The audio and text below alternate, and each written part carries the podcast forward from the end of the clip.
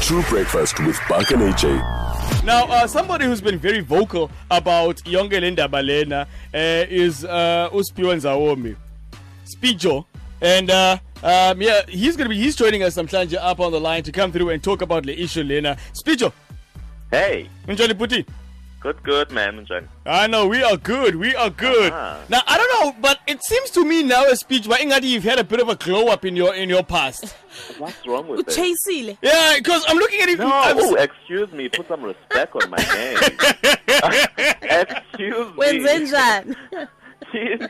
Ngomama bakho abatshisayo bethu. Can Just move with the time, please. so, did you have a glow up when I spe- speech? No, well, I, I don't know what to call to call a, a, a, a glow up per se, but I mean, who doesn't use something? okanye yenza uthini? You do whatever you need to do to look the way you want to look. That's how I'm going to put it. Yeah, you, you, you, and and a lot. Uh, well, people have been saying, but you look very good.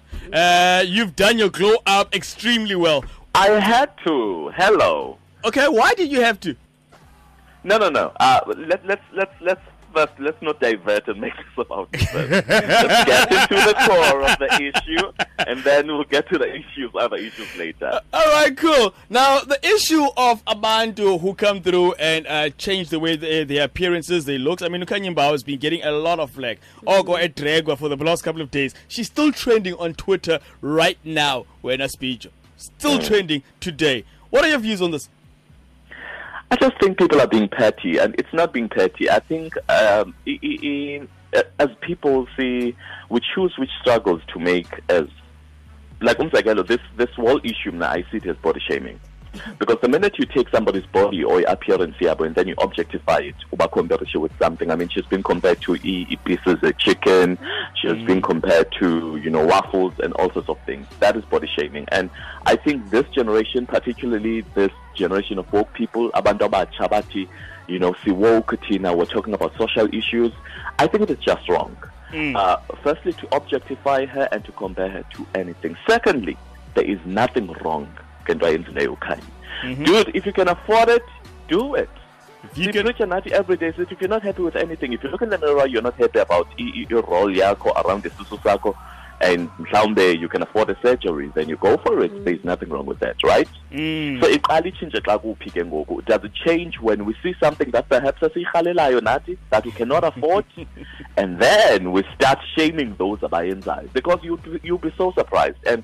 I- Immoral of Ilendo's argument here on social media was the very same people who are bashing it are the very same people who will inbox and say, "How did you do it?" Yeah. So, uh, you, you know, so I think I think in general, wait, nah, I see it as body shaming because how is it different from body shaming? How is it different from saying a fat woman is like an elephant?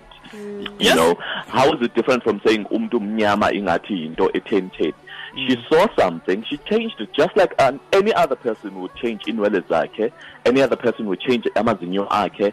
And I think into it, I mean, we all know it, into skin bleaching has been around forever. Oh, Omama bethu babe chaser, mm. And of course with the times it has changed. You can simply go to a proper doctor, a dermatologist, get it drip, it will be done professionally, you know, less risks zokubana ude ugule ufumane cancer and all sorts of things.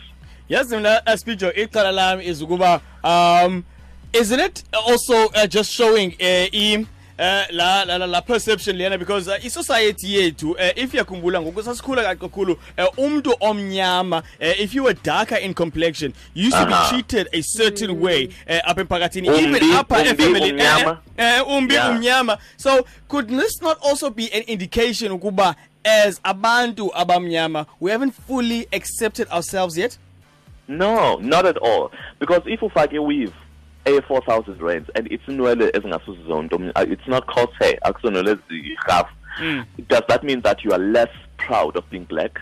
Does it make you any less? No it doesn't. But when it comes to complexion abantu always think that you're inspired by whiteness or you are less African xa umuntu etshintshe complexion yakhe which is not. Like it goes back kulaa nto endiyitshoyo when you see something you don't like you change it. Mm. And I think when it comes specifically to complexion people have this certain obsession. Because if you've been following social media people have been doing it there's been this glow up trend. Yeah. People are like glow up, glow up, glow with aromat. It started with aromat and then it moved, up with the ranks. I think there's just a certain perception and an obsession that comes with a, a complexion. And I don't know why, particularly with us black people, because abantu abamhlophe, they tan nabo most. Bafuna uba Some go njengathi for bona, profe- yeah. You know, they go mm. for professional tanning abanye. Why not do it if you can afford it? And if it's safe, right? Yeah, if it's safe, you, exactly when it comes to Khanyi because Yena, she didn't even hide it. You know, she mm. was open about it on Instagram. But listen, guys, yes, I've changed my complexion. I'm bleaching, but I'm doing it professionally. This is, you know, the product. You can go to a doctor, and this is the consultation. About the Kanye section, oh, actually, it will roll away. Mm. So, how are we going to make ourselves feel better? Nathi sifake filters, just faka ko Instagram, na ko Twitter. we are going to bash it. I mean, if you in, if you fake filter, kodwa uyazazi uba ugrey ngecomplexion yakho ndibane nawo upeach ku-instagram what are you doing you're doing a very the same thing ayenzayo yena she just does it professionally Mm, nice one. Speecho, thank you very much, my man. Truly appreciate Cool. cool. the views zakho. And uh, listen, man, if you're Teta no Khanyi Mbau, kakumcela aphendule DMs zami. I'm trying to get to talk to.